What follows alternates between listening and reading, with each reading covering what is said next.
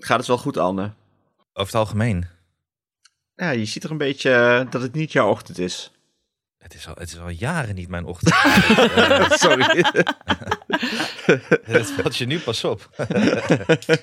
jij, jij, jij komt er steeds beter in en gaat mij steeds meer de maat nemen, heb ik gemerkt. Dat is Ja, inderdaad ja, een dat is zo. gekke verandering in de dynamiek in de groep. Hmm. Dat Ja. is mooi. Mooi om mee te maken. Ik gun het Ja, maar je. je. Echt, voelt gewoon die het morele superioriteit van Alex die zijn Helemaal midlife crisis niet. gehad heeft. Helemaal niet. Ja, die, die, die merken wij allemaal, Alex. Ja, Nou, want wij moeten er allemaal nog doorheen. er wordt me heel erg eh, dit opgedrongen. Nee, maar we gunnen het je. Het vind, we vinden Ja, het mooi om mee te maken. We zien jou aan de overkant van de sticht staan en we denken, ooit komen we daar ook. Maar het duurt nog even. Ja, ja ik, ben, eh, ik, ben, ik ben zover. Ik heb alles eh, volgens mij. Ja, everybody happy. loop. Hanneke ook helemaal klaar? Ja, ik eh, weet het niet meer.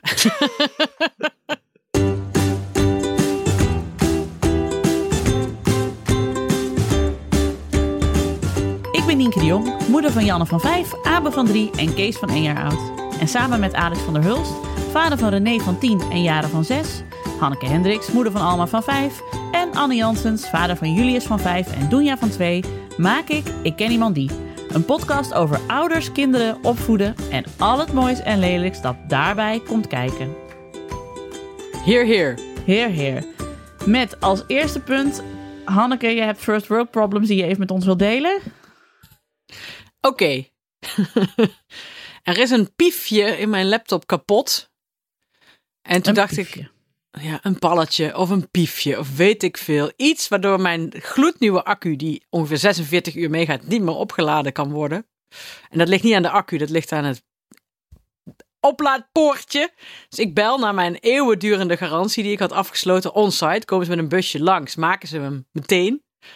En eh, die vrouw zei, nee, uw garantie is verlopen. Ik zo, sinds wanneer? Is die garantie verlopen letterlijk op de dag dat die stuk ging? No. No! Maar wacht even, je Eerst- eeuwigdurende garantie is verlopen. Ja, drie, drie jaar. Ik vind dat lang. Drie jaar on-site garantie dat er een mannetje ko- langskomt om je eh, laptop te maken. Dit is net als die Twitter-grap over, eh, over dat zout van 2 miljoen jaar dat iemand had gekocht. 2 miljoen jaar oud zout. Dat in januari van dit jaar niet meer goed zou zijn. Ja, precies. Ja. Twee miljoen jaar. Dan wordt het ineens eh, ja, stof. Maar, Maar goed, jij dus, jij dus bellen met Senior Web? Wat, wat heb je gedaan? Ik met senior web. Nee, nee, nee. Want ik heb. eh, nee, want dat, dat was dus echt balen. Maar mijn. eh, ik heb dus een computer. Meneer, jongen, die. eh, en dus, nou moet er dus. Maar mijn laptop is pas drie jaar oud. En dat is schijnbaar zo nieuw dat, er, dat het, het, het vervangingsartikeltje nog niet in Nederland verkrijgbaar is. En nou Hè? duurt het een maand voordat hij uit China er is. Het officiële piefje, want ik ben blij dat je de technische term gebruikt. want Anders zouden we niet weten waar we het over hebben. Maar Als kun je Voor de mensen die googelen. meeschrijven. Ja, precies. het officiële piefje is nog niet in Of Nederland palletje. gearriveerd. ja. Ja, nee, dat is vervelend.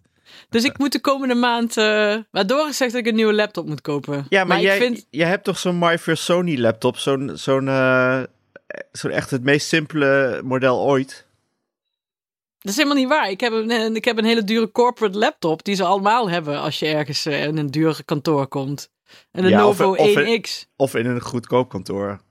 Nee, ja, ik heb een hele dure laptop. Een hele Oh. goede ook. Die je ook van een flatgebouw kunt gooien. Maar Nou. nu is toch een piefje kapot. Ja, Ja, Ja, ik zou dat niet doen met dat flatgebouw hoor. Nee. Ik weet niet. Voelt er niet helemaal Maar goed. goed. Mis- Misschien moet je even met mijn moeder bellen, want die heeft een nieuw internetmannetje of een nieuw computermannetje. en ze houdt me niet over hem op. Dus eh, hij is ik blijkbaar voel heel me- goed. Ik voel me wel aangesloten bij je moeder. Ik zal wel even iemand uit Friesland gaan bellen of die even in Bergharen langskomt. Hanneke, elke reden om de moeder van Nienke te bellen, direct aangrijpen, toch? Zeker. Ja, dat is waar. Ja. Hartstikke leuk. Maar nu wil ik dus even waarschuwen dat ik nu dus mijn nog oudere hufterproeven laptop weer van de stal heb gehaald. Alleen die klinkt af en toe alsof er een helikopter opstijgt hier.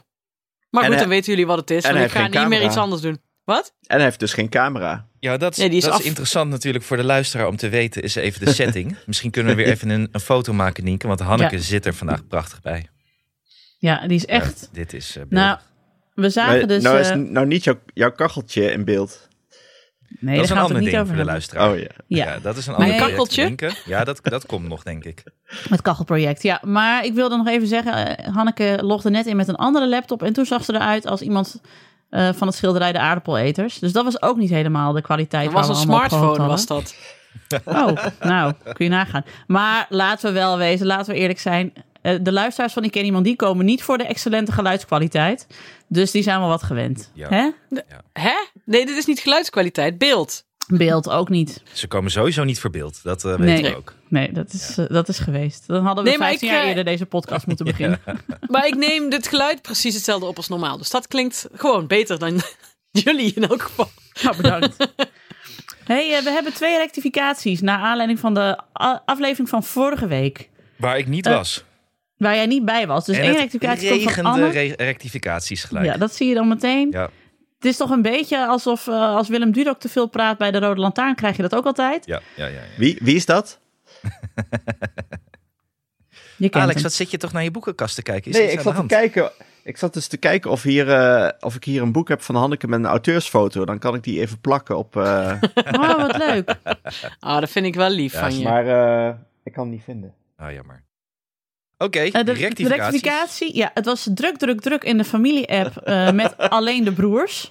Omdat we het vorige week natuurlijk hadden gehad over eh, ruzie. En dat ik vertelde over dat een vriendin van mij toen aan het flirten was met mijn, een van mijn broers. Toen zaten de broers allemaal, Nou, ho, ho, oh god, flirten. over wie gaat dit? Flirten? Ja, toen kwamen er dus allemaal weer, Ja. kwamen er allemaal weer namen boven. Dat de een zei, oh, was dat ik met die? Of de ander zei, was ik het met die? Dat ik dacht, oh, oh. Al je broers. dingen die ik nog niet wist. Al je broers.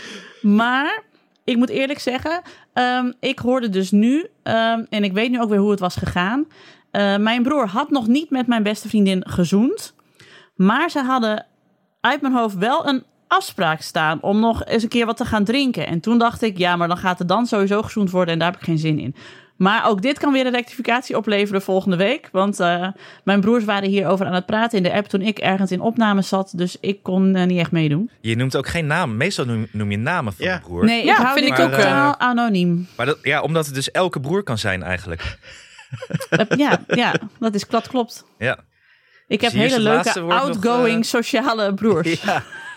Dus dit, Maar- dit- dit- dit- je kan nog wat eh, naar boven komen hier. Een Nou beerput. ja, maar dit is ook omdat ik, ik wil hun eh, privacy waarborgen. Ook omdat als zij de beerput opentrekken over met welke vrienden van hen ik allemaal heb laten lopen tongen, dan moet ik een nieuwe podcast beginnen, want dan hebben we echt te Oh veel ja. Maar, juice. maar kan het ook zo zijn dat doordat jij zo bent gaan stijgeren over dat jouw broer het gezoend of wel niet gezoend had met een vriendin, dat hij uiteindelijk ooit aan Boerse Vrouw moest meedoen?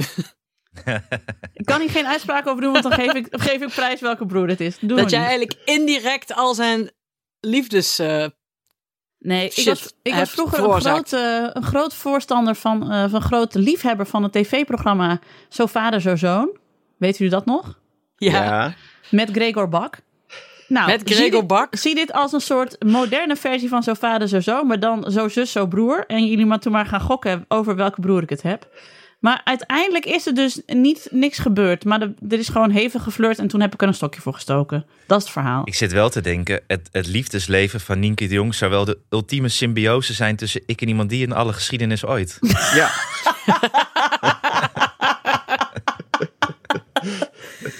Ja, want dan krijg je allemaal van die anekdotes dat ik eh, op eh Doer, het festival Doer, een, eh, een jongen had versierd. En eh had ik toen een beetje mee zitten zoenen. En toen zei hij, ga je mee naar mijn tent? En toen dacht ik, oeh nee, maar er ligt nog een boek in mijn tent dat ik uit wil lezen. En toen zei ik, nee, ik ga slapen. En toen ben ik lekker mijn boek gaan lezen in de tent. Dat, dat moet echt een goed boek zijn, want dat boek is vaker genoemd, deze podcast. Maar echt, het Doer staat bij mij in het rijtje meest vieze festival ooit. En daar, Ja, daar, ik vind dat, ik vind dat niks voor. Nienke, als ik heel eerlijk ben. Ja. Eh, ja, want het was ook een beetje een, dat is een beetje een oud imago hoor. Want toen wij er waren, ja, het was nog steeds best wel een vies festival. Maar het was niet zo dat de poep, zeg maar, dat de drollen langs je tent dreven of Ja, zo. Zo precies. erg was Toen het nog niet. Toen was dat weer voorbij. Toen niet Maar- meer. Het was wel een goor, het was een goor festival. En het was daar zo dat De La Soul optrad. En dat het hele optreden lang één microfoon van één van de jongens van De La Soul niet aanstond. En dat niemand daar iets aan deed. Terwijl daar wij vooraan stonden van hallo, we hoorden je niet. Niks, gebeurde helemaal niks. Maar is jij zat daar een beetje in een soort open riool lekker je boekje te lezen. Heerlijk. Lekker, eh, lekker in mijn eentje, lekker in mijn, in mijn tentje. Ja. Heerlijk, ja. Ik Ja. heb daar wel zin in. Die camping is wel heel relaxed hoor. hey, maar we hebben nog een hele belangrijke rectificatie, zag ik staan. Ja, Die ik er had neergezet trouwens. Maar, eh, Ja, want we hebben nu eh, Keeping Up with de, de Jongs gehad. ja. Desperate ook- de Jongs, ja, Wat ook een leuke eh, podcast zou zijn. zeker. Anne, Anne, jouw rectificatie. Nee, jij dat kreeg een mail ik- van iemand. ja, Het Vertel. is belangrijk dat jij dit vertelt, denk ik. Dat ik het vertel. Ja, is belangrijker. Oké, wij hebben vorige week, toen Anne er niet was, hebben we eigenlijk ja de eerste grote podcastfout gemaakt. Zeg maar les 1 bij het podcasten. Niet roddelen over iemand die er niet bij is. Niet. Hoezo? Dat doen wij altijd. Wij Ja. roddelen altijd over iedereen die er niet bij is. Niet één van de leden Ja. roddelen die er niet Ja, bij is. kan niet. Maar goed, eh, ik, de, en ik geef ook toe, Anne is er een beetje licht geraakt over. Want er wordt, als ik er niet bij ben, wordt er de hele tijd over mij geroddeld. en I don't care. Maar Anne, Huh, zijn- Anne ligt geraakt? Dat heb ik nog nooit Anne meegemaakt. Nee, zijn joh. tere ziel was totaal gekrenkt. omdat wij een beetje smalend deden over zijn Frieslandkennis. Gênant. Een beetje smalend. behoorlijk smalend deden. En eh, ja, hij wil toch zeggen eh, dat er hij misschien geen echte Fries is, maar hij is wel Mr. Kibbeling Drive-In in Lauwersoog 2021. En dat had toch wel voor de balans even vermeld mogen worden, minst. vindt Ja. A. Janssens eh, te Muidenberg. Nou, ik vond dit gewoon een ingezonden brief die behandeld moest worden. Ik dacht dat we het wel over de Kibbeling eh, drive-in hadden gehad. Ja, In zaken Lauwersoog en Anne Janssens Friesland kennen. Dit wat is moet- er nou dit- niet goed? Dit, dit moet gewoon... Dit moet beter behandeld worden, jongens. Voor... Jezus, Niek, wat is dit? Zo, Ja, sorry, waren ik er heb, vijf eh, of zo achter elkaar. Ik heb corona. Ja, nou ja, ik heb dinsdag in een opnamestudio gezeten met iemand die nu coronaklachten heeft. Dus ik ben heel benieuwd hoe dit gaat uit, eh, uitpakken. Hey, we hadden nog een boze mail vanuit eh, eh, World City Marketing Venlo. Eh, ja, dat was een hele, le- hele lelijke mail. Maar jullie hadden het over Venlo zonder daarvoor de belangrijke benaming eh, wereldstad te noemen. Ja. Dat, eh, dat kan eigenlijk niet. Oh, Heb je het over Venlo? Heb je het over wereldstad Venlo? ja, dat Ja. is eigenlijk gewoon één woord. Dit soort dingen Hoezo? gaan fout als ik er niet ben. Dat merk je dan meteen. Wanneer Ja, dat is hebben we het over waar. Venlo gehad dan? Wanneer dan? Jeetje. Je begint als mij te klinken. Oh, we hebben het volgens mij de vorige aflevering weer over Venlo gehad. Ik weet het niet meer. Alle, ik eh, kan alleen niet Ja, galerie het, was, het herinneren. was ook niet het beste stukje uit de aflevering. Maar het is lang over Venlo gegaan, ja. Ja, en je, kunt het, je kunt het je herinneren, Alex, want altijd als iemand over Venlo begint, dan zing ik altijd Venlo stedje van lol en plezier. Nou, Oh ja. Heel goed. Jij gaat een keer mee carnaval hoort- vieren in 2024. Nienke, de jong. Vastelavond, vastelavond, shingelen, shingelen, shingelen, shingelen, boom. Ja, gaan we doen. Oké, Heel nou, goed. dat was het, hè? Dat, was Ja, Wereldstad dat was Venlo. het. Dat was het. Wereldstad Venlo. Dat, was Ja, het. dat waren de rectificaties. Oh, Eh, wat waren dat? Rectificaties. dat waren Ja, de nou, rectificaties. luisteraar, heb je nou ook een rectificatie? Omdat ik gezegd dat je, eh, heb gezegd dat je met iemand hebt gezoend en het was niet zo. Mail me dan vooral. Mail ons dan op ik@dagenacht.nl. Heb je ook met een broer van Nienke gezoend? Laat het ons weten. Of denk je dat? Weet je het niet meer dat- zeker? Heb je een vage herinnering aan een broer van Nienke? Laat het ons weten. Heb je vaak herinneringen aan de Snake Week? Ben je zwanger teruggekomen uit de Snake Week? Oh, maar mijn, mijn, mijn oudste broers waren vroeger een partij populair. Ik moest dan echt... Er stonden de meiden op de hoek van de straat dus te wachten totdat zij naar buiten kwamen. En dan moest ik er naartoe. Werd ik er naartoe gestuurd om te zeggen ze zijn niet thuis. Met een dan zaten zij clipboard. gewoon achter de bank te wachten tot die meiden een keer weggingen. Jij was zo'n clipboard-nazi, eh, clipboard bitch. Klopt. Maar dat was allemaal nadat mijn oudste broer in de, de hoofdrol in de schoolmusical had gespeeld. Toen was het Ja. Van de Dam. Ja. Je moet echt je eigen podcast krijgen, inderdaad. Nienke vertelt over haar familie. Ja, Ja. nou, is hartstikke leuk. Een soort goede tijden, slechte tijden. Hey, maar ik heb dus één, we hebben dus één iemand die acht keer niest. En we hebben Anne die heel erg een verstopte neus heeft. Hoe zit dit? Ik heb echt, ik doe coronatesten bij de vleet. Ja, Wanneer ik denk ook. je dat het klaar is omdat we de hele tijd massaal eh, testen gaan doen als we een beetje verkouden zijn? Ja, dat zit ik me ook af te vragen. Want terug naar het nieuwe normaal, is dat dan elke keer toch weer blijven testen? Want ik, die, die dingen vliegen er hier ook doorheen. Ja. Aangezien we alsmaar denken, nu gebeurt het. En die Ja. streepjes komen maar niet. Nou ja, exact hetzelfde hier. En eh, we roepen de hele tijd dramatisch tegen elkaar, want ik hoorde Grijs Groenteman dat twee jaar geleden een keer zeggen: Het net sluit zich. Nou, dat roepen wij nu ook de hele tijd, want er is elke dag alweer iemand dichter bij ons die corona Ja. blijkt te hebben. Alle juffen van Kees, zo'n beetje, dat je denkt: Nou, daar komt het, maar het komt maar niet. Ja, is fijn, maar Ja, ben- ja. Ik denk inmiddels dat, zoals Harry Mulisch dacht dat hij onsterfelijk was. En dan eh, dat mensen daar een beetje smalend over deden. Die zei, ja, hoorden ze, het tegendeel is nog niet bewezen. Dus nou, ik ben gewoon onsterfelijk. Dan denk ik, ja, gewoon dat ik immuun ben voor corona. Ja, en zonder ook. twee streepjes mag je ook al niet meer naar een teststraat, heb ik gemerkt. Nee. Denk ze. Wat? nee. Ja, ze, zeggen ze, ja, blijf maar weg. Je moet eerst een thuistest doen. Ja, als die negatief is, dan eh, ja, laat maar. Dan, eh, het is te druk. Ja. Oh, Jeetje, maar nog steeds te druk. Ik dacht dat het eh, ondertussen misschien wat afgekalfd Nou ja, was. In de grote steden, Hanneke, hebben we het nu over. Ja, dat is waar. Zo. Wat is Wat dat? gebeurt er nu? Ja, Hanneke stijgt op, jongens. Daar gaat ze. Hanneke? Oh, jullie horen dat veel beter dan ik. Nee, mijn, microfoon, vang- mijn microfoon vangt dat niet op. Ja, dat geloof Wat ik gebeurt er dan? Dat Nee, was ja, zo echt. hard. Dat was dat piefje weer. Weet die laptop- het klonk? Het klonk als het begin van de Thunderbirds. Weet jullie nog dat dan zo het zwembad zo wegschoof en dan kwam zo die Thunderbird uit. Zo klonk het. Wauw. Echt fantastisch. Dus Nou, daarom goed. ben ik ook gewoon een beetje zagrijnig. Omdat mijn gewoon eh, die kutlaptop eh kapot is. En nou ik zit hier te kloten als een student met al die shit hier. En daar word ik echt zagrijnig van. Maar is je, Zo. is je roman wel bereikbaar dan? Nee, die, ja, ja, ja, die is zeker bereikbaar. Dat is juist alleen maar goed, want nou, eh, ik heb ook nog een laptop zonder internet. Daar zit ik nou op te werken met die eh, roman en dan heb ik geen afleiding. Dus misschien is het een teken van God dat ik gewoon aan die roman moet werken en eh, niet stiekem. hè. Jezus. Ja, jongens, een- dit is ook niks. Ik kom zo terug met een andere is of zo. laptop. Ik word hier helemaal zagrijnig van. Ik, eh, gaan jullie maar fijn door, ik mis toch niks. Doei. Jeetje, het is echt jullie Heel dat? boos is ze. Hallo. Nou, dat gaat lekker. Nee, dan kunnen wij even, dan gaan wij gewoon beginnen aan onze WVTTK. Ik mis toch niks. Ik mis toch niks. Nou, Hanneke heeft er zin in, jongens. Ja, we hebben gewoon iemand die wegloopt uit een podcast eigenlijk. Dit is Ja. voor het eerst, denk ik. Ja. Echt eh, heftig. We zijn Hanneke gewoon kwijt. Nou, Hanneke is weg. Nou ja, dan is het vo- voortaan gewoon met ons drieën. Moeten we weer een vervanger vinden, Alex? Dat is wel druk. Moeten we weer Jonica Smeets bellen? Jeetje, wat een gedoe.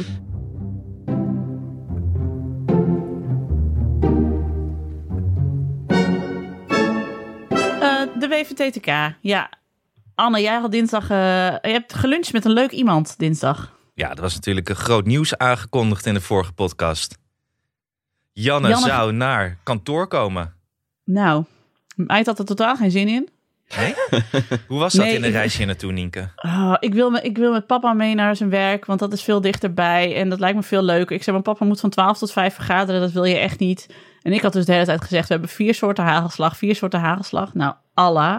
Toen was ze er. Zei ze ook toen we er naartoe liepen van, ik ben gewoon een beetje, ik vind het gewoon een beetje spannend. Ik zo snap ik ook wel. Ah, Maar dan is het grote voordeel van dag en nacht dat de oudste me- medewerker is nog geen 42. Dus er zitten alleen maar of jonge mensen of iets oudere mensen, maar met jonge kinderen. Dus iedereen is zo gewend aan eh, al dat grut, dat eh, eh, Janne zich wel meteen welkom voelde. Ook omdat er meteen kleurplaten voor haar werden uitgeprint. ja, dat zag ik inderdaad. En ze mocht erbij zitten in de, in de opnamestudio. Dus ze was aan het kleuren terwijl wij alle geschiedenis ooit opnamen. Wat voor mijn concentratie niet helemaal goed was. Want het is nog best lastig om een verhaal over een fusillade in de Tweede Wereldoorlog te vertellen. terwijl je dochter meer met grote ogen staat aan te staren. Dat is niet helemaal handig. Ik zag je ook af en toe even met haar naar buiten lopen, terwijl de rest nog aan het opnemen was. Moesten plassen, ja. en ze mocht de bingo-molen doen. Dat vond ze dan wel weer heel leuk. Ah ja. Dus ze heeft eh, de nieuwe film voor de vrienden van de show van Alle Geschiedenis Ooit uitgekozen. En daarna kwam natuurlijk het grote moment, want toen zouden we met elkaar gaan lunchen. Toen was ze iets wat teleurgesteld dat mensen te laat waren voor de lunch. ja, want jullie zaten vroeg aan tafel met z'n tweeën. Hey, Ja. Doris is Doris. erbij. Hey Doris. Hey Hanneke. nou, ik ben blij dat we je weer zien. Waarom Ja. heb je dit Ja, ik ook. gedaan? Ja. Eh, ja, omdat ik. eh, nee, omdat Doris een laptop is. Het zit niet in mijn systeem dat ik die pak. Oh. Maar zit je nou ook tussen de patiëntengegevens nu? eh? Nee, Oh. want die, dit is, hij heeft een. hij heeft een. hij heeft op zijn werk. Ah. Zijn werkspullen op zijn werk. Bestel even Ja. wat diclofenac voor me. Gewoon voor de, voor de heb, please. Ik Het is wel goed je even te zien, Hanneke. Ik ben blij hiermee. Ik ben Ja. blij dat je Ja. dat is wel heel grappig, want Jeroen heeft net dus, want ik heb de, de opname door laten lopen, zodat hij nog sync loopt. Ja. En eh, ik was net, godverdomme, toen dacht ik ineens, oh Jeroen hoort dat allemaal. Onze luisteraar die dat niet leuk vindt. Oh, dit is leuk. Dit zitten we achter de aflevering. De reactie Ja. van Hanneke toen alles vastliep. Dat lijkt me goed. Ja, ja, en dat flikkerde ook iets naar beneden. Volgens mij riep ik toen, ja hoor! Maar Hanneke, we hadden het net over Jannes grote uitje naar kantoor. Naar dag en nacht. Ja, Ja, die foto was echt zo Ja, die foto was fantastisch. heel mooi.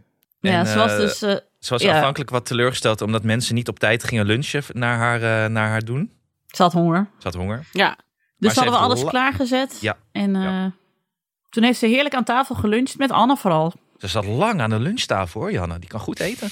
Ja, die vindt, ja, maar ja, hallo, vier soorten hagelslag. Wat zou jij doen? En ze heeft dus interessante gesprekken gevoerd met mensen van dag en nacht over eh, hoe heten je vrienden? Wat is je lievelings K3-lied? Nou, dat soort dingen. Ja. En Ik- toen ik het vroeg, was jij... eh, wie, ik vroeg wie is haar beste vriend, maar dat was alleen maar mama.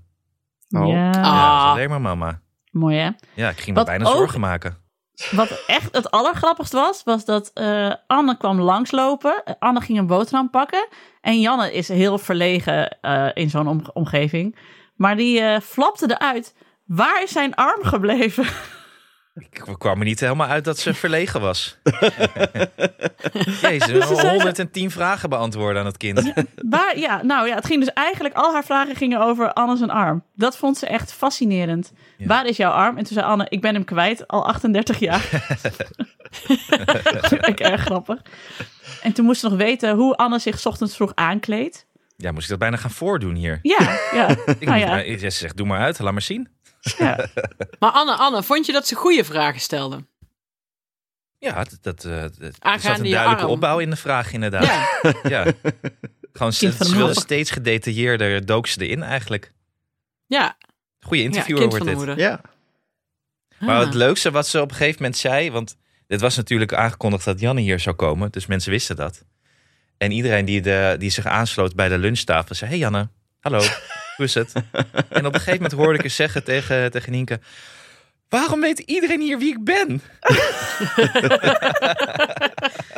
Ik durfde niet aan haar te vertellen, schat, ik maak al vijf jaar een podcast over jou. Ja, luister En niet als je ik, ja, 16 dat is bent en je dacht, je dit gaat wat worden als er erachter komt dat het al vijf jaar wordt besproken in een podcast. Ja, dat gaat zij echt niet leuk vinden. Daar heb ik onvoldoende over nagedacht toen, ik, eh, toen ze negen maanden oud was en wij deze podcast begonnen. maar goed, Ach ja, Tom kan er ook nog steeds mee omgaan, toch? Nou, ja, die dat weet luistert je gewoon niet. niet meer. Ja. Dan wordt een clubje thuis. Ja, Dat denk precies. ik ook, ja. Maar goed, het was een hele belevenis. En eh, ze zei, ik zei, wat eh, vond je van mama's werk? Ze zei, er is wel heel veel bla bla bla bla bla. Ik zo, ja, dat is eigenlijk mijn hele leven, bla bla Het is veel bla bla. Dus ach, Oké, puntje Janne. puntje Anne. Puntje De Anne. eerste keer dat je met een spel verliest van je kind. Dat heb ik in een draaiboek geschreven. Daar wil ik Ja. het even met jullie over hebben. Bouw het op. Ehm, Julius die houdt dus heel erg van gamen. En we, hebben een, eh, we hadden een PlayStation, maar zijn neefje die was een keer langs en die heeft dat ding iets te enthousiast op de grond laten vallen, waardoor hij het niet meer doet. Dus toen hadden Poosje geen, eh, geen spelletjesding meer. Heb ik een, op een gegeven moment een Nintendo Switch gekocht, want ik dacht dat is beter voor die kinderen. Dat is wat makkelijker. En Julius houdt echt van dat ding. Hij speelt, over, hij speelt heel veel Mario, vindt het heel erg leuk. Hij kon er in het begin helemaal niks van. Ik dacht, is dit nou een zoon voor mij? Die kan niet gamen. Maar dat ging eh, eh, best wel eh, snel beter. Het ging wel gepaard met veel hu- huilbuien en, en boos zijn. Want als het dan niet lukte, dan vond hij dat heel moeilijk. Ja, dat ik weet nog dat jij steeds hebt verteld dat jij ook wel eens zijn spellen moest afmaken, omdat het dan in ieder geval goed zou gaan. Dan was hij helemaal in paniek. Zat hij te huilen op het hoekje van de bank dat het niet lukte. Dan moest ik het voor hem Mm. afmaken en dan was hij heel blij. Maar dat ging eigenlijk ook steeds beter. Dat hij er steeds meer vrede mee had dat het niet lukte. En dan ging hij het nog een keer doen. En op een gegeven moment kreeg hij Mario Kart. En bij Mario Kart begon het even weer van, eh, van eh, helemaal weer van, van, eh, van, van begin af aan. Dus werd hij zeven en moest hij huilen. Ik zei tegen hem, nou ja, het is toch goed. Je moet oefenen en je wordt steeds beter. Op een gegeven moment werd hij de hele tweede. Toen zei ik, tweede is ook goed, Julius. Tweede is ook goed. En toen zei hij, ja, tweede is ook goed. Dus toen was hij ook weer gerustgesteld. En op een gegeven moment werd hij eerste. En toen ging hij, nou, hartstikke blij natuurlijk. Ik dacht, oh, dat is, dat is best wel goed. Maar hij wil nu tijd met mij spelen. En ik heb best wel wat jarenlange ervaring in Mario Kart. Dus ik, ik moest een beetje rustig aan doen. En ik liet hem af en toe winnen. Eh, en dan werd hij eh, tweede. En dan was hij wel boos dat ik eerste werd. Maar dan zei ik, tweede is goed, Julius. Tweede is goed. Tot een week geleden. ehm, dat ik gewoon echt mijn best deed. En eh, gewoon verloor. Een paar keer achter elkaar. Wow. En ja, het zat me echt niet lekker. En ik wilde ik was echt gewoon best wel pissig hierover. Ik, ik zit gewoon, wat is hier gebeurd? Ik zit te verliezen van een peuter. Ik doe dit al, ik doe dit al 30 Hij is geen jaar. peuter. Hij is Kleuter, kleuter. zes, Anne. Kom ja. op. Ja, is hij. Maar kun jij, kun jij goed tegen je verlies? Nee, Ah ja, kijk, ja, nee, dan... eh, absoluut niet. Dus het zat me helemaal niet lekker. En weet je, laatst deden we een nieuw level. En ik, hij werd eerste, ik werd tweede. Weet je wat hij tegen me zei? Ik weet het. Tweede is ook goed. Tweede is ook goed, papa. Oh, Ik wilde hem door het raam smijten, jongen. Ook goed. Hij zou echt zo'n tikje op de knie geven, hè? Tweede is ook goed. Zijn die al begin van het oude? einde, hè? Zijn die al oude? Nou, laatst had ik wel, had ik wel weer, ook ik win af en toe ook wel eens. En dan zegt hij, papa, je bent een oude, akelige man. En dan gaan we weer verder. dat vind ik ook wel mooi. jij zo, dat klopt. Ja, maar meestal beginnen dit soort dingen met memory, hè? Want memory Ja. is op een gegeven moment dat, dat kleuters gewoon veel beter zijn in memory. Omdat die kinderen een geheugen hebben van heb ik jou daar. En wij het gewoon een beetje roestig beginnen te worden. En dat je dan een keer een potje memory verliest van je kleuter. Dat is gewoon echt gênant. Volgens mij heeft Doris pas met memory verloren van Alma. Dus dat klopt. Nee, want wij zijn Ja. ondertussen, onze harde schijf is helemaal vol. Ja. En er kan gewoon niks meer bij. Ook niet of daar of twee eekhoorns eh, toevallig al tien keer zijn omgedraaid. En dan klink je zoals die laptop van mij net. Ja. ja, ik verlies heel vaak van, eh, van Abe. Abe is heel fanatiek en die is heel handig met spelletjes. Hij kan ook goed vals spelen, moet ik erbij zeggen. Maar ook als hij niet vals speelt, dan wint hij gewoon heel vaak. Weet je, we hebben zo'n spel dat heet dan Waar ben je? En dan heb je een soort van, eh, je hebt twee kamers, twee huizen. En het is een soort stratego. Jij moet je poppetjes ergens neerzetten. Of zeeslag is het een beetje. En ja. je moet de ander raden waar die, waar die poppetjes zijn. Dus is de opa in de slaapkamer of nou ja, zo. En dat heeft hij gewoon eh, echt heel snel door. En het is maar goed ook dat hij altijd wint. Want Janne is niet fanatiek, die lijkt op de vader. Maar Abe is heel fanatiek. En gisteren verloor hij van mij met Uno. En toen begon hij zo... "Eh, maar ik wilde winnen. Ik zo, ja, maar ik wilde ook winnen. En ik heb gewonnen. En hij zo, "Eh, waarom wil jij dan winnen? Ik zo, ik ben fanatiek. En jij bent ook fanatiek. Wat is fanatiek? Ik zo, dat je altijd wil winnen. Ja, ik ben fanatiek. Zit hij zo half te huilen. Ah, jullie gaan wel een toekomst tegemoet dat jullie eh, spelborden naar elkaar gaan gooien. hè? Zeker, Ja. zeker. Ja.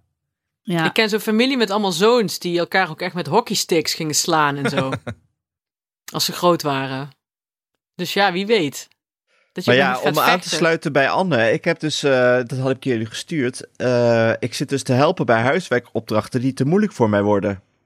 Zo, je Ja, stuurde Ja, dat door. ik vond het ook echt een pittige opdracht, Ja. jongen, Ja. die, eh, die Je moet foto. van, Jezus. Van procenten moet ik dan eh, eh, deelbreuken maken. Wat echt super ingewikkeld is. Ja, want ik zal even voor de luisteraar even het laten. Ja, Wat wat, was het stuurde ook alweer? Ja, hier heb ik ze. Nou ja, oké, 25% is 1 vierde. Daar, daar, Ja. daar komen we dan nog wel op, hè? Ja, maar wat is 62% bijvoorbeeld? 3 vijftigste. Ja. Nou ja, dat weet ik ook nog wel. Zeven- 27ste. Doris zei gisteren bij het mes op tafel, waren we aan het praten. En toen zei hij, eh, zeg, eh, maar hoeveel procent zei hij nou? Wat, wat was de vraag nou? Weet je, was zo'n rekenvraag. En toen zei ik, nee, ik, zei, ik luister nooit. Ik, begin, ik luister bij Ja. het mes op tafel niet meer als er een rekenvraag komt. Dan let ik gewoon niet op. En dan zei hij, nee, nee, maar hoeveel procent? Want ik zeg, nee, echt. Hij zo, oh. dus ik, ja, ik, eh, ik kan die toch niet. Ik ben een Ik doe dat zelfs bij Beat the Champions. Dan zit ik daar dus gewoon volle concentratie in zo'n finale. En dan hoor ik hoeveel procent is. En dan ga ik echt zo... oh. Oh, ja, ja. Maar ik, vind, ik kijk eigenlijk vooral Beat the Champions om te zien hoe boos jij kijkt als iemand anders van jouw champions het weet. Dat is echt mijn lievelings. Je, echt van... Er zijn al veel gifjes van gemaakt, ja, dat ik zo... Ja, omdat ze te snel drukken bij een sportvraag. Dat ik denk, ja, maar ik weet hem gewoon. Geef me nou even één seconde. Of een literatuurvraag, nog erger. Die zijn gewoon voor mij. Daar moeten ze gewoon van afblijven. Ja, hebben jullie wel die, eh, die afspraken met elkaar? Ja, die zijn, er zijn grofweg na seizoen 1. Hè, we weten natuurlijk precies van elkaar wat, wat we allemaal weten. En zij weten dus echt bij een Bijbelvraag of een literatuurvraag of een politieke vraag. Dan kunnen ze gewoon rustig wachten tot ik druk, want dan druk ik toch wel. Uh, maar dat, hebben jullie ook wel eens discussies dan na afloop van... Je drukt het, dat is mijn vraag. Ja, ja van waarom, waarom drukt hij je nou? Waar, waar slaat dit op? Maar ja, wat is nog, nog frustrerender is, maar dat zie je dus niet op beeld. Als ik dan dus niet aan de finale mee mag doen. En er komt een literatuurvraag en die weet ze niet. Of een politieke vraag en die weet ze niet. Dan zit ik dus echt zo in het donker zo. No. Kan er niet zo'n schreeuw op de achtergrond komen dan? Dat zou me leuk lijken. Dat heeft Zo'n alleen Wilhelm dan. scream, zeg maar. Gewoon dat je gewoon zo'n... eh, Edward Munch-achtige scream zo. Ja, ja, ja. Maar goed. Maar nee, Ja, de- maar- mijn punt wat ik wilde maken is... Denk dat, ik denk dus dat dit voor mij een moeilijk punt wordt... om mee om te gaan de komende jaren. Dat ik Ja. ga verliezen van mijn zoon met Ja. dingen.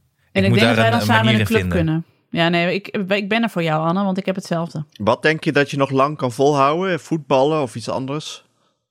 Ja, ik vind hem li- lichamelijk gezien is het allemaal nog niet helemaal heel soepel. En daar heeft hij ook niet. Hij heeft ook in, in voetballen niet zoveel interesse. Hm. Dus daar maak ik wel wat minder zorgen over. Maar dat hele spelletjes kan hij wel echt goed. Dat, ziet, dat heeft hij wel door. Dus dat gaat een probleem worden. Ja, dat gaat een probleem worden. Nou ja, misschien kun je het saboteren of zo. Ga je iets kapot nee, nee, maken je, van nee, de- je gaat het, tenminste, zo ben ik, die ook niet goed tegen verlies kan. Gewoon het zeggen, nee, ik heb nu geen zin. Ik heb even geen zin, ik ben moe. Ja, weet je wat ook ergens wat ik had gedaan? En Mia had dat wel door. Dat ik verloren. Toen heb ik de hele avond geoefend toen hij naar bed was. Oh, heerlijk. En had het, eh, heeft het ook wat opgeleverd? Want je bent ook wel op een leeftijd dat het niet meer zoveel uitmaakt hoe hard je gaat oefenen. Ja, maar met Mario Kart, je weet, moet je, je moet ook die routes leren kennen. Hè? Dus er zitten altijd wat shortcuts in en dat snapt hij nog niet. Maar ik wel natuurlijk. Dus af en toe dan zegt hij, papa, hoe kom je hier nou? En dan ben ik er ineens voorbij. Dan denk ik, ja, jongen. Sucker! zeg je. Ja, ja, ja, ja, ja, ja, ja. Papa heeft geoefend. Alle cheatcodes opgezocht van allerlei Ja. forums. Oh, wat een Ah. treurigheid, jongens. Ah. Ach ja, zo houden we onszelf van de straat. Dit is dan ook wel leuk. Ze gaan zich wel ergeren aan deze podcast, maar ze gaan ons ook wel uitlachen. Ja, sowieso. Stelletje zielige, zielepoten. En Hoe misschien... gek zou het zijn als ze dit misschien ooit gaan luisteren als ze zelf eh, eventueel, wie weet, kinderen krijgen? ja. Ik denk Dit dat is het anders soort heel dagboek. erg helpt. Nou ja, weet je wat, ik, ik heb daar altijd al, ik heb er wel gesprekken over met vrienden, dat je zo rond je dertigste maak je zo die transitie door dat je ineens, als, dat is vaak ook gepaard met dat je zelf ouder wordt, of, of dat je zelf kinderen krijgt bedoel ik, Ehm, dat je ineens gaat zien van, oh ja, mijn ouders toen zij een kind kregen, hadden zij ook geen idee. En toen wisten ze het ook niet. En daarvoor heb je dan nog dat je ook heel erg hangt aan het oordeel van je ouders. En daarna denk je, ja, we zijn een soort van gelijkwaardig geworden. Want over bepaalde dingen weet ik nu gewoon meer dan jullie of zo, weet je? En ik denk dat wij Ja. dus onze kinderen juist een, een dienst bewijzen. Omdat alles wat zij over ons moeten weten, over ons geklooi, hebben wij gewoon jarenlang opgenomen. Ze kunnen het gewoon afluisteren. en Dan kunnen ze zien van wat een sukkels waren zij. Dat, dus dan komen Zo veel sneller op een niet gelijk level. Ja, Ik denk wel dat ze dan nu googelen piefje. Wat is een piefje van een computer in die tijd? palletje. Wat is een laptop? Ja. Waarom hadden ze geen hologram van Hanneke gemaakt? Dat is toch veel makkelijker? Bestond er toen nog geen Jeep? nu, nu speelt zich alles af in Jeep. Precies. En dan zijn wij heel oud en dan zeggen we Jeep. Wat? Wat Kun je dat op de smartphone doen? Ja. Daar heb ik een mannetje voor. Ja, daar heb ik een mannetje voor. Ik bel Marco wel even.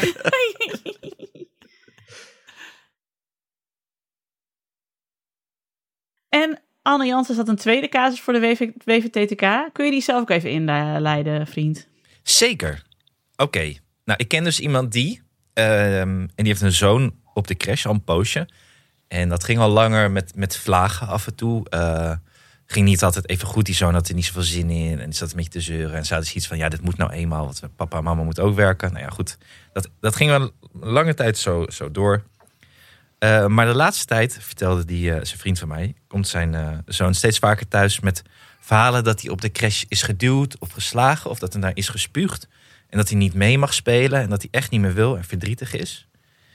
En ze hebben wel gesprekken gehad met die crashleidsters, maar die wuiven het een beetje weg. En die zegt van ja, er zit een, er is één meisje dat is wat wild en er is, en er is ook een.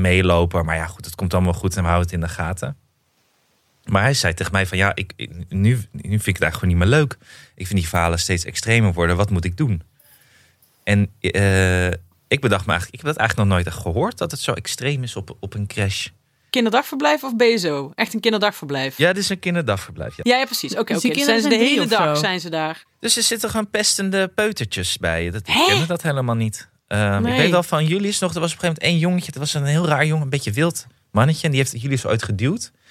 En toen heeft die crashleidster waar Mia bij stond, die jongen, dat jongetje zo hard geduwd. Dat hij nooit meer eh, iets heeft gedaan daar op de crash. Totaal onverantwoorde actie van die crashleidster. Maar het hielp wel. Die jongen was daarna voor altijd rustig. Maar is het waar? Want ik heb ook wel eens eh, eh, van een meisje gehoord die dat ook aan het vertellen was. Dat ik dacht, nee, je zit gewoon te liegen. Nou ja, volgens mij zijn er dus. Ja, dat, ik denk dus dat er, dat er twee opties zijn. Van of die jongen die weet het zo te brengen dat hij inderdaad niet meer naar de crash wordt gebracht door die ouders, omdat hij het heel vervelend vindt. Dus het kan zijn dat het niet waar is en dat, er, dat, dat hij steeds meer beter weet hoe krijg ik mijn ouders zo ver dat ik er niet meer heen hoef. Ja. Of het is wel waar en dan heb je wel echt een, eh, een probleem. En wat zou je dan moeten doen. Maar dus mijn vraag aan jullie is de Babbelbox. Wat zouden we aanraden aan mijn vriend eh, met de zoon die niet meer naar de crash wil omdat hij zegt ik word gepest? Ik zou een één op één gesprek aanvragen, want het kan gewoon een 10 minuten gesprekje aanvragen met de leiding en zeggen: Ik weet niet of ik duidelijk genoeg ben geweest in hoe ons dit bezighoudt, uh, maar het houdt ons echt heel erg bezig en hij is er echt heel gelukkig onder. En als je het dan zo brengt van wij willen heel graag een gelukkig kind naar de crash brengen en dat gaat nu niet, dus we willen graag kijken waar gaat, waar gaat het inderdaad in de keten mis. Want het kan natuurlijk ook zo zijn dat die kinderen dat heel erg achter de rug van de juf omdoen. Maar dat kan ik me bijna niet voorstellen. Want er Op zijn een kinderdagverblijf, daar zit je de hele tijd. Uh, Ja, twee juffen twee mensen kinderen of zo. Ja, ja. Dus dat kan bijna niet. Nee, dat kan ik me ook niet voorstellen. Nee. Ja, maar dat kan natuurlijk ook verbaal zijn. En als ze dan verbaal, eh, ze heel zacht eh, hem de hele tijd allemaal dingen toefluisteren. Maar zijn kinderen van drie zijn zo gehyped? zulke gemene peuters. Ja, dat Ja, kan. die bestaan wel hoor, volgens mij. Als je echt vervelende... Ja. Maar ja. Abe had een tijdje een jongetje van de BSO. En die kwam dan dus naar de, naar de groep van Abe. Want die hadden een gemeenschappelijk plein. En dan ging hij Abe duwen. Toen was Abe echt twee. En dan was dat jongetje was vijf. Dat je denkt, Nou, hoezo doe je dit? En dan Abe zo, ja, I, piep was er weer. En die ging me weer duwen. Die hebben ze dus echt uit elkaar moeten halen. Nu vroeg ik laatst aan Tom, waar is Piep gebleven? Die stond dus ook niet meer, die zit niet meer op school. Die is gewoon Piep zat verdwenen. niet meer op school. Die zit vast ergens of zo. Wat is er gebeurd? afgevoerd. Ja, ik weet Jeugd, jeugddetentie? ja, die vinden we straks ergens in het kanaal. Nee, dat hoop Ja, ik niet. over, Nee. over jeugddetentie gesproken. Ik weet nog dat Alma op het kinderdagverblijf ook wel eens zei van ja, die en die, die knijpt me of die duwt me dan. En dan zeiden we, Doris en ik tegelijk met eten naar terugduwen. Ja, Maar dat heeft ze toen tot het uiterste gedaan. Want toen heeft ze ooit, had een kind gemeen tegen haar gedaan. En toen, eh, s ochtends. En toen is ze smiddags pas, uren later, op een gegeven moment toen het kind alleen zat, vertelde de leidster, liep Alma daar zo heen. En toen heeft ze er echt gebitchslapt zo. huppatee. En toen echt gewoon een map verkocht om dat terug te doen. En dus toen, nou ja, daarna heeft ze ook nooit meer last gehad met dat kind. Volgens mij zijn dat nu zelfs vriendinnetjes. Dus dat was echt wel grappig. Dat dat dan zo'n zo'n peuter dat dan wel kan onthouden van ik ga jou nog even pakken Mhm. als ik de kans zie. Misschien is dat een familietrekje van eh Ja, een soort olifantengeheugen om... eh, als je ooit We iets hebt hold- misdaan. We can hold a grudge. Ja. Maar ik denk Ja, maar- dat Nienke, ik denk dat jij wel echt de beste tip eh, geeft. Gewoon even Ja. dat gesprek even aangaan. Ook om te kijken waar, waar de, eh, de grens ligt van het peuter fantasiegedeelte. Of hoe zeg je dat? Peuters kunnen natuurlijk ook heel erg Mhm. groots over iets kleins opgeven. Maar ik denk wel misschien dat- is het niet zo. Misschien Ja, heeft ik hij denk wel wel gelijk. dat wat hier een beetje eh, belangrijk is, is dat je dus die leiding echt heel goed moet kunnen vertrouwen, merk je dan. Ja, En Ja. dan weet je van, oh, dat, dat is wel of niet waar. Maar als je, ja, misschien komt het ook doordat je weinig keuze hebt in kinderdagverblijven, dan is het lastiger. Maar ik zou altijd iets kiezen waar je de leiding compleet vertrouwt. En dan weet je in ieder geval hoe het echt zit. Ja. Want het zou natuurlijk ook nog zo kunnen zijn. Bij peuters is het natuurlijk ook zo. Stel dat het zijn, zijn twee peuters die alleen maar samen willen spelen. Die helemaal dol zijn op elkaar. En dan dus altijd tegen dat jongetje zeggen: nee, je mag niet meedoen. Dat is best wel hard. Maar dat is dan niet uit een soort van: we haten jou. Maar meer van: we zijn met z'n tweeën aan het spelen. Maar dat kan dus. Ik snap dat dat in het hoofd van, van de peuter in kwestie iets heel groots kan worden. Terwijl de juf op het KDV dan misschien zegt: oh ja. Dat zijn eh, die en die en die Ja, zitten maar- maar altijd is boven ook- op elkaar. Qua KDV vind ik wel dat er ook iets meer dan bij een BSO wat- opvoeding bij zit. Dus dan moet zo'n KDV ook die kinderen leren. Nou, jullie moeten ook een Ja. keer met, eh met Henkie spelen. Ook al hebben jullie daar geen zin in. Ja, samen delen, samen spelen. Hè? Ja. Maar Alex, wat ik wel vanzelf van- vanuit Amsterdam nog gewend was, is dat de leiding echt om de drie kwart jaar helemaal wisselde en veranderde. Ja. Die, die doorloop was zo groot bij al die plekken waar we waren geweest. Dat is wel heftig eigenlijk, hè? Ja, dat is wel heel heftig, ja. Ja. Ook het is zoveel tekorten. Dus iedereen die eh, in Mhm. Amsterdam, al die mensen die woonden altijd in Landsmeer of Purmerend of Ilpendam. En als ze dan ergens in de regio daar iets open ging, waren ze allemaal weer dichter bij huis. Ja. Konden ze weer een nieuw blik uit Almere dan weer opentrekken als ze mazzel hadden. Ja, Mhm. volgens mij is op heel veel plekken ook niet eens een keus welk, welk kinderdagverblijf je heen gaat. Omdat je moet... Je mag blij zijn dat je een plek krijgt. Precies, ja. Ja, is wel. Ja. echt. Maar ja, goed, het is, eh, is natuurlijk zo vervelend hè, als je daar al op zo'n jonge leeftijd al mee te maken krijgt. Dat je kind Ja, niet goed je in kunt ook niet zit. zeggen... Je kunt niet zeggen van ik breng hem even ergens anders heen. Nee, dat Nee. gaat altijd moeilijk. Of ik Of hou ik je hou thuis. Dat is ook ingewikkeld natuurlijk. Ja. Ja. En het lijkt met alle rots inderdaad. Je weet van mijn kind zit niet lekker in zijn, zijn- zijn vel. Ja, En ik weet niet zo goed wat ik aan kan doen. Behalve dan dus weer met de leiding gaan praten. Ja. Ja. Want ook al is het, weet je, dat is dan ook weer de volgende trap. Ook al bedoelen die kinderen er niks slechts mee zegt de leiding van echt, we houden het heel goed in de gaten. En eh, er gebeurt eigenlijk niet zoveel. Dan is de onrust bij dat jongetje in kwestie nog niet weg, zeg maar. Die blijft ongelukkig. Hoe turn je dat dan om, zeg maar? Dat, ben ik echt, eh, dat vind ik echt lastig. Ja, en dit is ook wel weer het verhaal, en daar had ik ook nog met hem over. Zo'n zo'n kind moet zich ook wel leren bewapenen er tegen op een of andere manier. Ik school gaat nog eh, erger, nou erger weet ik niet, maar dit gaat, dit gaat niet de, de laatste keer zijn dat dit gebeurt. Ja, Ja, of hoe broers en zussen met elkaar omgaan. Ik bedoel, ik mocht thuis nooit meedoen, weet je wel. Maar dat is hoe inderdaad... leer je zo'n dat- kind zich er tegen te bewapenen dan ook? Dat moet ook vanuit die, die cash komen en die leids. Ja, precies. Die moeten dat begeleiden. Ja, maar ja, god, soms is het ook een karakter. Dus dat is ook heel lastig.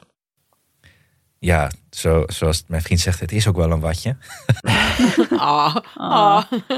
ja maar het is een peuter. Ja, precies. Dus, maar ja, hoe, hoe- Nou ja, je hebt van die kinderen en die hebben zeg maar hun hart echt aan de buitenkant van hun lijf hangen. En dat je dan zo Oh. ziet van, oh jij bent echt zo'n zo'n schat en zo lief en zo open. En ik hoop echt niet dat mensen daar misbruik van gaan maken. Want je ziet dan er nog helemaal geen, geen schaal omheen zitten of zo. Snap je wat ik bedoel? Nee, en je hebt Hmm. ook het andere uiterste. Echt van die duiveltjes waarvan je ziet Zo. van ontzettend verwend eh, gedoe met broers en zussen waar er altijd ruzie is. Dus die komen ook op een hele andere manier een kinderdagverblijf binnen. Ja. Ja. hebben jullie Ja. veel ruzie gehad op de, op de basisschool? Hebben jullie veel gevochten met andere kinderen? Ja, ik wel. Ik ook. Ja? Echt heel veel. In Waar ging je dan vechten, Alex? Ja, weet ik veel. En eh, ik, als ik nu wel eens kinderen zie en dat ik ook denk, zijn ze nu wel of niet aan het vechten, denk ik, ja, zo heeft het er vast uitgezien. Dat je denkt dat het een heel gevecht is, terwijl het niks voorstelt. een beetje schoppen of zo. Maar ik, heb, ik bedacht me laatst wel, eh, als ik daar, toen ik daarover nadacht, van ik hoop niet dat Julius ditzelfde gaat krijgen. Ik heb echt Wat? veel, veel gevochten met kindjes op de basisschool. Het lijkt me, ik vind het idee dat als Julius dat ook gaat doen, vind ik helemaal niet fijn.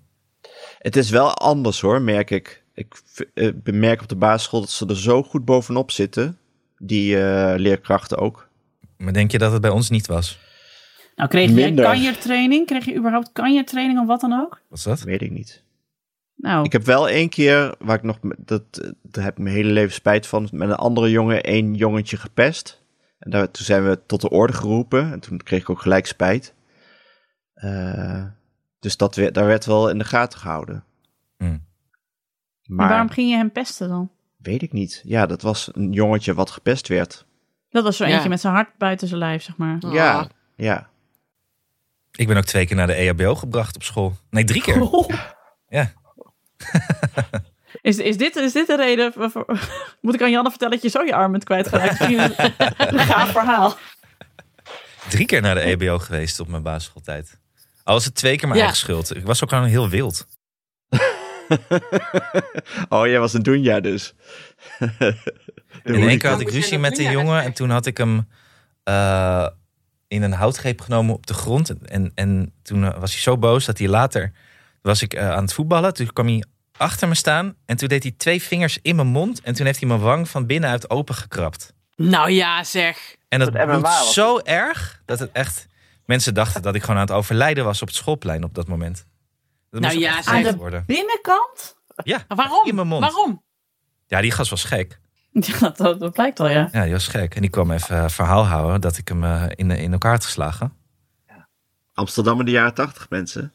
Nou ja, de- ik, zat eraan te denken. Ik, het, waren, het ging er best wild aan toe bij mij op school. Maar ik weet dus niet of dat normaal is. Nou, ik heb wel een vinger gebroken toen een jongen er tegenaan schopte ooit in, eh, in de wijk. En Oei. ik het afweerde. Maar ja, dat was ook eh, was, was niet eens een gevecht. Ik heb wel eens met hem gevochten, maar dit was geen gevecht. Wauw. Ja. Nee, god. Nee, het enige wat ik ooit heb gedaan is iemand die eh gemeen tegen me deed terwijl ik op de fiets zat, diegene tegen zijn voorwiel schoppen, waardoor hij viel. Dat is een hele goede tip trouwens. ja, op zich wel. Maar je moet zorgen niet, dat niet jouw voet tussen de spaken komt ja, dan. inderdaad. Nee, nee, je moet tegen de band eh, met een vlakke voet zo tegen Ja. de band trappen en dan eh, gaan ze geheid de berm in. Werkt echt goed. Ik heb wel eens een keer eh, iemand eh kauwgom in zijn haar eh, ge- geplakt toen hij mensen zat te zieken met kauwgom. Ja, dat is wel best gemeen, of niet? nou ja, was gewoon een goede... ik vond, was, was, hij heeft daarna geen last meer van gehad. Bij mij, bij mij, ik was echt niet fysiek gemeen. Of, eh, of gemeen, maar fysiek geweld was het meer bij, eh, bij mij. Je was Oh, niet nee, fysiek deed- gemeen, maar wel Nee, ik veel was niet geweld. echt gemeen met dingetjes of pesten of zo. Dat heb ik nooit Oh, gedaan. zo. Nee. Dat, eh, Ik heb nee, het, dat, niet in- in- dat, vond ik, dat snapte ik ook niet. Vond ik helemaal niet leuk. Maar ik Nee. was meteen, Nee. als iemand iets vervelends deed, dan reageerde ik direct. Het was ook gewoon mijn eigen onzekerheid. En dat ik dacht van, oh, ik moet gewoon meteen alles de kop indrukken. Anders eh, Hmm. Krijg ik Ik denk helemaal niet dat dat zo'n slechte strategie is, als ik heel eerlijk ben. Ik heb dat verbaal, eh, tenminste op de middelbare school vooral gedaan. Ik was er ook bang voor om eh, gepest te gaan worden. Dus ik dacht gelijk de kop indrukken, gelijk eh, dodelijke opmerkingen maken.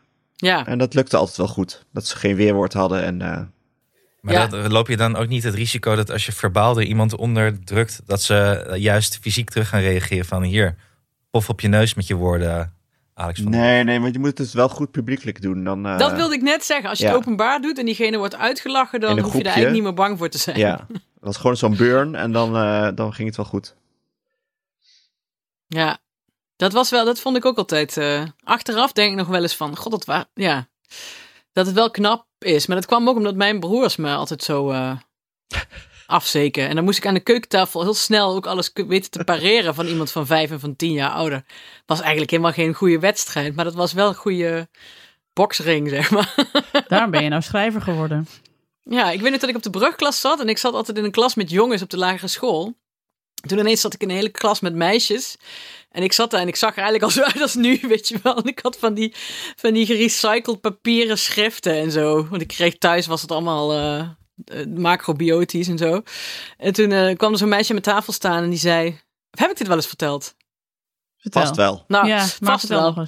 En die zei, ehm Gadver, en hebben mensen hun kont afgeveegd met jouw schriften? Omdat het gerecycled papier was. Toen zei ik, leg jij je wc-papier in de papierbak nadat je hebt gekakt? En toen zei ze, "Mm, eh," en daarna weer, heb ik echt, ja, toen praatte gewoon niemand tegen me in de brugklas. Ja, maar de rest, de rest van de middelbare school was superleuk en kwam het allemaal goed. Maar de brugklas dacht iedereen, wat zit, zit daarvoor? Uh, ik ook al zo'n ronde bril. Ik weet nog een t-shirt aan van Erik Scheurs, weet je wel. En hij in de kort had ik een t-shirt van aan. Jouw klepzeiker. Ja, maar ja. Dus ik dat dat nog goed is gekomen op de middelbare school is eigenlijk een wonder.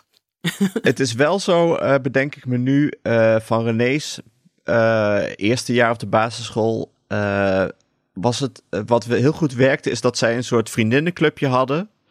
Die eh, samen optrok. En mocht er dan zo'n vervelend jongetje iets vervelends doen, gingen ze met z'n allen verhaal halen. Dat is een Oh, soort eh, vrouwenbende. Heel goed. het feminisme 101. Precies. Maar. Eh, handen in de zij en eh, jochie. Wat zei jij? Wat zei jij? Oh ja, maar ik kijk bang natuurlijk, die tegen jongen. haar? Ja, precies. En dan durven die scheiters natuurlijk helemaal niks Nee, meer. die vinden dat allemaal hartstikke eng dan. Ja, Eh, die zijn een beetje bang voor meisjes. Dus eh, zo'n zo'n vriendinnenclubje werkt voor meisjes wel heel goed. Nou, ik probeer Janne nu. En Janne is altijd heel erg bezig met wat zullen anderen dan wel niet denken. Weet je, want als Ja. ik dat aan heb, dan denken mensen dit of de, en dan. Maar dat is gewoon een heel lastig eh, iets om tegen in te gaan. Want ik kan wel tegen haar zeggen van, joh, de mensen denken echt niet zoveel. En als ze wel iets erover zeggen, dan zeg je, ja, wat boeit mij dat, zeg je dan. Zeg maar gewoon, wat boeit mij dat, punt. Maar ik weet ook wel van, dat zelfvertrouwen, dat komt ook alleen maar met het klimmen der jaren, zeg maar. Het, kan Ja. alleen maar, als ik maar de hele tijd tegen haar blijf zeggen van, ik vind je fantastisch en eh, laat niemand eh, iets anders eh, tegen je zeggen. Ja, en af en toe gewoon zelf op je slippers naar buiten. In, niet per se in je badjas, maar wel in je joggingbroek. Nou ja, daarom staan we heel veel. Jan, eh, Abe houdt heel erg van dansen. En als we in de HEMA staan en er is muziek, dan gaat hij altijd staan dansen. En ik doe dus altijd mee. Omdat ik altijd denk, ja, dat is, dit is zeg maar het voorbeeld dat je moet geven van... eh, ik vind het leuk dat hij danst. Eh, ik word er zelf ook vrolijk van. Dan doe Dan ik er gewoon lekker eh, mee. Janne even ergens anders staan bij de... Ja, die schaamt zich gewoon helemaal te natuurlijk. maar dat ik wel van, weet je, het boeit mij niet of mensen dan naar ons kijken. Al het winkelpubliek, dat is die boze mevrouw van Pieter Champions. Ja, die staat heel wat Ja, gek te dat probleem heb ik dansen. nu inmiddels wel, ja. Dat arme kind moet meedansen. Dat staat ze weer op te vallen, ja. Altijd met die BN'ers, altijd. Ja, altijd aandacht willen hebben, ja. Ja, maar Ja, ja, is Abe wel. is natuurlijk eigenlijk gewoon een BN'er zonder dat hij er eentje is, zeg maar. Zo hij gedraagt zich al wel helemaal als Ah, fijn. Dat was, eh, ik had twee puntjes in het draaiboek. ja. Nou, ik vond dat he- twee hele goede puntjes. En ik, Ik denk vond dat we het nou ook van de, goede de, de aftiteling kunnen. Nou, we moeten alleen nog even melden wat ik Oh. heel, heel leuk vond op Vriend van de Show. over eh, ruzies met je partner, over onzinnige dingen. Dat is iemand eh, een partner had die op de bank moest slapen vanwege ruzie over biologische eh, Oh, ja. producten. Over wie- wat? veel intensieve veeteelt, toch? Dat wil ik echt even noemen. bank slapen. Heel grappig. Heerlijk. Ja. Dit naar aanleiding van voor de mensen die vorige week nog niet hebben Ja. geluisterd. Hanneke en Doris hebben ooit eh, eh, slaande ruzie gehad over de actietomaat. En of de tomaat voor Ellen Vogel. eh, Wel of niet terecht was. oh ja, precies. Maar het zijn dus mensen die een nog gekkere eh, redenen hebben om, om zeg maar ruzie te maken. Maatschappelijk wel urgenter. Ja. Dat is waar. Dat is waar. Jongens, Ja, ik ga aftitelen. Ja, precies. een Want ik ben zelf... eh, ja, ik ga eh, weer kloten met mijn scheidlaptop. Oké. Ik ben heel benieuwd, heel benieuwd naar de audio van Hanneke toen ze even weg was. Ja, Nou, misschien valt dat ook weer tegen. Maar het valt vandaag allemaal tegen. Dus, Ja, dus- aftiteling. Blijf vooral hangen na de aftiteling, want dan horen jullie eh, Hanneke vloeken. En als je niet van vloeken houdt, moet je hem dan uitzetten. Of zet ik er piepjes onder? Dat is, oh, Hanneke, dat hoe erg leuk. was het? Ik weet het niet meer. Ik In moet het zo meteen Amerika zouden ze het weggebliept hebben, toch? Ja, dan bliepen ze Wat? alles weg. Ik, In ik Amerika vraag wel zou aan Jeroen om met de bliepjes even te werken. Heel leuk. Daar komt hij.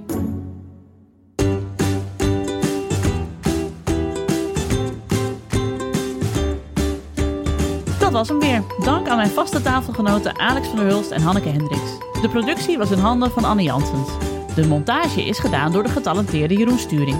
Mocht je ons iets willen vertellen, heb je een tip of een vraag of een opmerking? Kom dan naar onze Vriend van de Show pagina. Voor een klein bedrag kun je vriend van de show worden, waardoor je ons de gelegenheid geeft om nog meer mooie afleveringen te maken.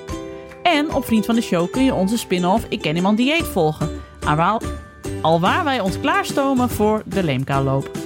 Op Twitter heten we Ik Ken en ons mailadres is ik@dagenacht.nl. Dank voor het luisteren en tot de volgende.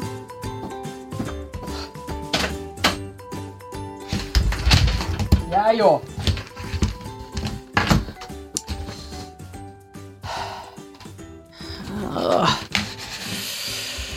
Word helemaal gek.